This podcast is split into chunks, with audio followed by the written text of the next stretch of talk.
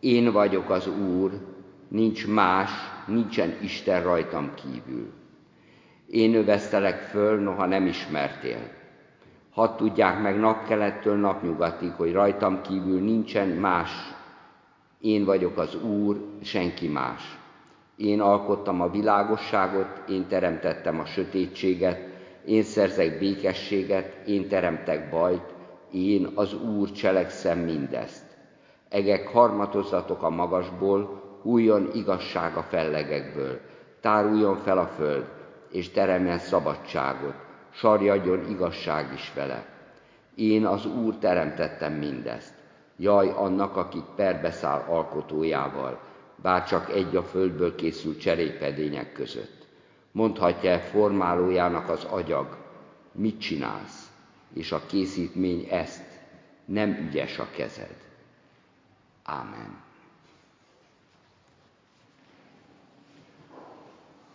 Annak idején, amikor beköltöztem a kollégiumba, akkor megkérdezték tőlem azt, hogy szívesen laknék-e olyan srácokkal, akik dohányoznak. Az én élményem abban az időben a dohányzásról a nagymamámnak a cigarettája volt, amit a, minden nap azt hiszem egyet talán kávé mellé elszívott, ugye fecske cigaretta, és, és annak volt egy romantikája. Volt valami szép érzése az egésznek, és azt mondtam emiatt, hogy hát természetesen szívesen vagyok olyan, olyanokkal, akik dohányoznak, csak hogy e, ezek a srácok nem egy cigarettát szívtak el naponta a kávé mellé, hanem ilyen láncdohányosok voltak. Ami azt jelentette, hogy előbb-utóbb gyakorlatilag mindenben ott volt a, a dohányfüst, a falakban, az ágyban, a szekrényben, a ruhákban, az ember bőrén, a, a könyvekben, és mindenhol, mindenhol. És, és, és én, aki nem dohányoztam, ilyen, ilyen nagyon meggyötrött lettem attól, hogy, hogy gyakorlatilag mindenemben ott volt ez a, ez a cigaretta szag. Pedig ez lenne a példája annak, amiről, amiről ma beszélni szeretnék, ez a féle átitatottság, és biztos lehetne másféle példákat mondani, de ez annyira durva, hogy talán ebben jól érezzük azt, hogy amiről itt Isten beszél Ézsaiás proféta könyvében, az, az ugyanez a féle átitatottság, hogy a világ át van itatva vele. Mindenben ott van.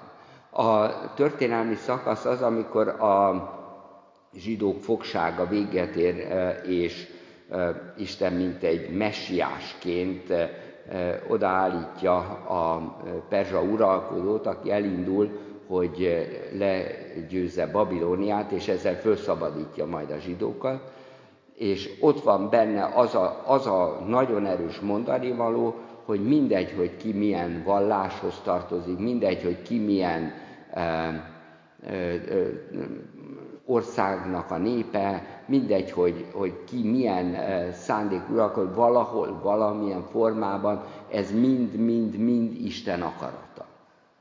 És ez egy, egy nagyon érdekes világszemlélet, hogy Isten mindenhol ott van.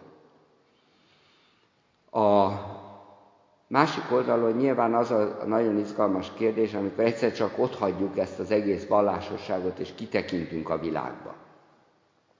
És ma, ma nagyon fontos dolgokat látunk a világban. És az, aki, aki vállalja ennek a terhét, hogy kész arra, hogy a világnak a folyamatait megnézze, az, annak elakad a, a lélegzete. Ugyanis hirtelen nagyon sok katasztrofális változás történik.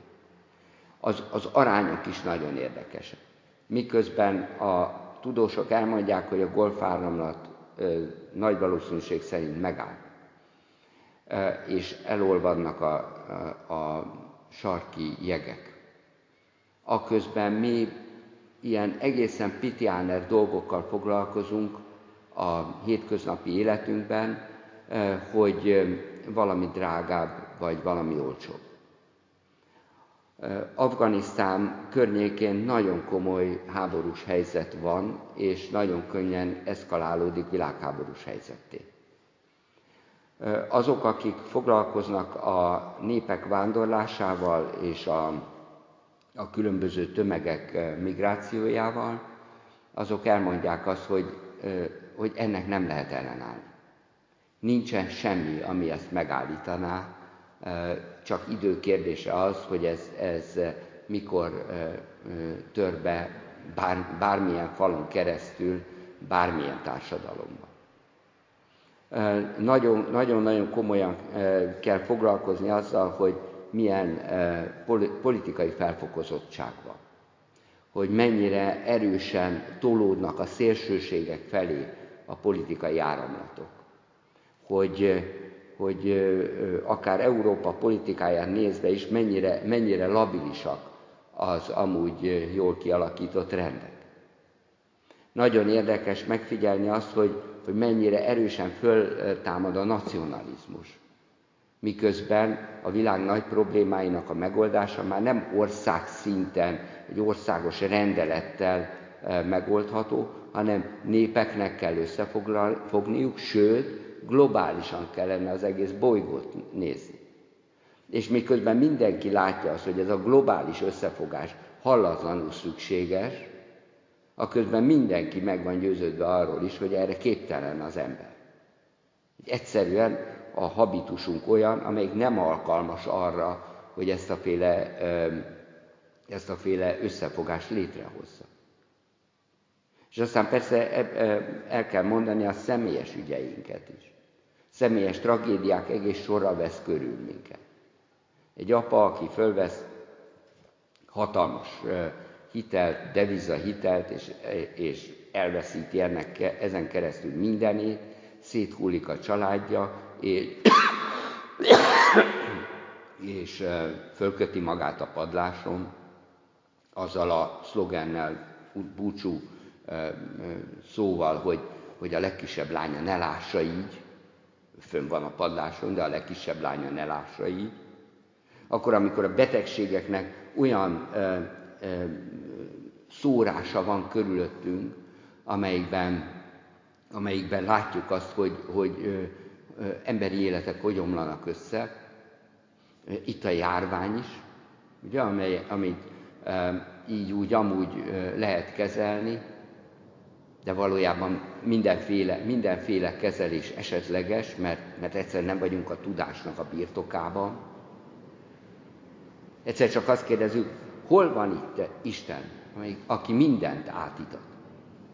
Hol van itt Istennek az a féle szándéka, amelyikben, amelyikben azt érezzük, hogy úgy, mint ahogy a, a zsidók annak idején, eh, hogy, hogy, eh, hogy cselekszik.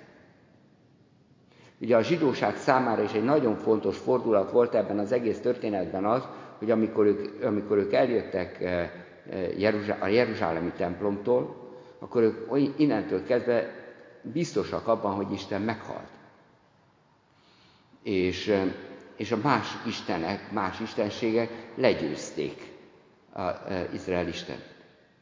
És a profétáknak úgy kell erősíteni azt, hogy ez nem helyhez kötött dolog, a vallás, és Isten semmiképpen nem egy templomhoz kötött, hanem mindenhol ott van, ami a zsidóság számára végképp elhihetetlen volt.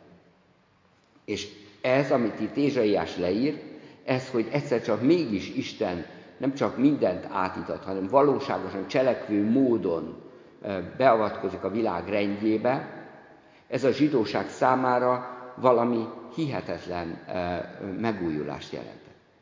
Valami olyat, amelyikből a, amelyikben a, a nincs is Istenünk, vagy elhagyott minket a mi Istenünk, vagy meghalt a mi Istenünk, Ebből az jön, hogy Isten nem csak cselekszik, hanem népeket mozgat, nincsen Isten más rajtam kívül.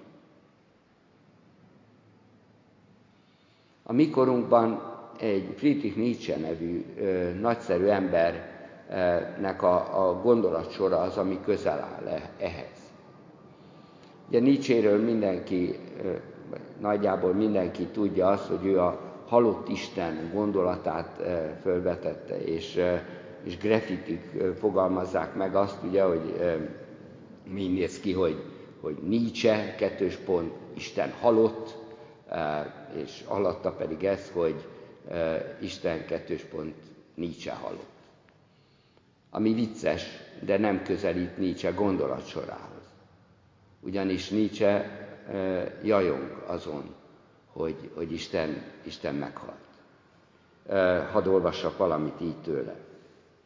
Hallottál már arról az őrültről, aki lámpást világított a ragyogó reggeli órákban, elfutott a piactére, és folyamatosan felkiáltott, Istent keresem, Istent keresem.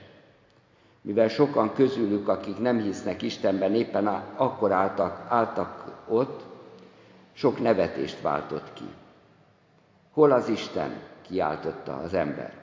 Megmondom, megöltük őt, te és én, minnyáján gyilkosok vagyunk. Isten halott, Isten hal, halott marad, és megöltük. Ugye ő mondja azt, hogy az, ami történik a világban, az valójában az ember istensége. Amikor azt mondja Ézsaiás Isten szavaként, nincsen Isten rajtam kívül, akkor a mikorunk hozzá kiáltja az, de igen, van. Mi vagyunk az Isten. És megöltük Istent azért, hogy mi legyünk Istenné. És hogy van-e Istenen kívül Isten? Hogy nem? Mi vagyunk azok. És ebben a konfrontációban, ebben az iszonyú konfrontációban telik az életünk. És ebben a helyzetben egészen bizonyos vagyok abban, hogy amikor Isten megszólal, újra megszólal, amikor, amikor egyszer csak megmutatja azt, hogy ő cselekszik, valóságosan cselekszik, akkor ez ugyanolyan megújulást hoz, mint amit a zsidóság átél. Hogy mégiscsak van Isten. Hogy mégsem halt meg Isten. És az az érzésem, hogy ez, hogy Isten valóban él, és közöttünk van, és minden mondani valóját elmondja Krisztusban, és egyszer csak megértjük azt, hogy mit jelent ebben a világban, amelyikben a felsorolt iszonyú folyamatok között is cselekszik Isten, hogy mit jelent Istennek ez a cselekvése, ez a mi dolgunk. És bár nagy tisztelettel figyelem a, a mai nap eseményeit, vagy a tegnapi nap eseményeit, azt gondolom, hogy nem egyszerűen egy felvonulásból áll az, hogy jelezzük azt, hogy Isten van, hanem sokkal inkább abban, hogy jelen vagyunk a mondani valójában. Sokkal inkább abban, hogy egyszer csak kimondjuk, kimerjük mondani azt, hogy Isten közöttünk van. Csodálatos volt az, amikor, a, amikor egy teológus hitoktató néhány nappal ezelőtti nem is tudom, írásában, vagy YouTube felvételében elmondta azt, hogy, hogy ő neki Krisztust kell követnie, és nem a politikát. Hogy ő emiatt ki, ki is lépett a keresztény demokrata pártból, mert azt mondta, hogy Krisztust kell követnem, és, és nem a politikát. Jelen lehet Isten a mi szándékunk szerint, a mi akaratunkban, a mi gondolatainkban, a mi mondani valónkban. Jelen lehet Isten, és megmutathatjuk azt, hogy nem csak a falakat és a bútorokat és ruhákat és könyveket itathatja át a dohányfüst, hanem Isten mindenhol ott van, még bennünk is ott van. És minket is átitathat. És a, a hitünkkel, a jelenlétünkkel mindezek, mindezek globális folyamatok közepette is számít az, hogy mit mondunk Istenről. És azt mondjuk, hát hogy állíthatnánk meg az afganisztáni háborút? Hogy állíthatnánk meg a, a, a természeti katasztrófát? Hogy állíthatnánk meg a migráció? Isten mindenhol ott van. És az ember istensége ellene van. És amikor amikor ezekről az eseményekről beszélünk, akkor ezekről úgy kell beszélnünk, mint amelyek Isten ellen való cselekedet. És emiatt a mi kereszténységünk az az, hogy ne hallgassunk, hanem elmondjuk azt, nincs Istenen kívül más Isten. Hogy elmondjuk azt, hogy Isten valóban cselekszik. Elmondhassuk azt, hogy nyissátok ki a szemeteket, és vegyétek észre azt, hogy ebben az istentelen, Isten nélküli világban Isten mindent átítat, cselekszik hatalom és erő. És a a legszemélyesebb, egyszerű történetben, épp, történetekben éppen úgy jelen van, mint a globális nagy eseményekben. És bátorodjunk föl, hogy ebben az ő emberei lehessünk. Urunk Istenünk, tégy minket eszközeiddé, adj bátorságot, hogy szavaidat mondhassuk, add kezünket, hogy rámutathassunk itt vagy ott, vagy amott cselekszel. Ne engedd azt, hogy az ember istensége pokolba taszítsa ezt a világot, hanem mutasd meg szereteted erejét, és tégy minket a te eszközeiddé. Amen.